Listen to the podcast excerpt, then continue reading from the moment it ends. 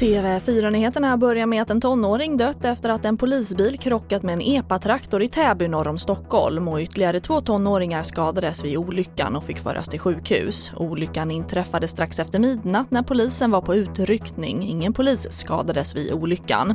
Men eftersom att någon skadats vid ett polisingripande så kontaktas åklagare vid särskilda utredningar på rutin, det skriver polisen på sin hemsida.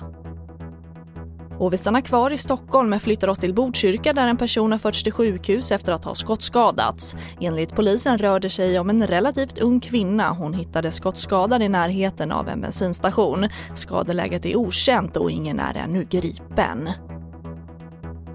Och en före detta minister i Storbritannien greps igår morse misstänkt för våldtäkt, det skriver Sky News. Mannen som är i 50-årsåldern ska ha anmälts av en ung kvinna som sitter i parlamentet. Anmälan rör fyra olika övergrepp som ska ha inträffat på olika platser i London under förra året. Och det var det senaste med TV4 Nyheterna. Jag heter Charlotte Hemgren.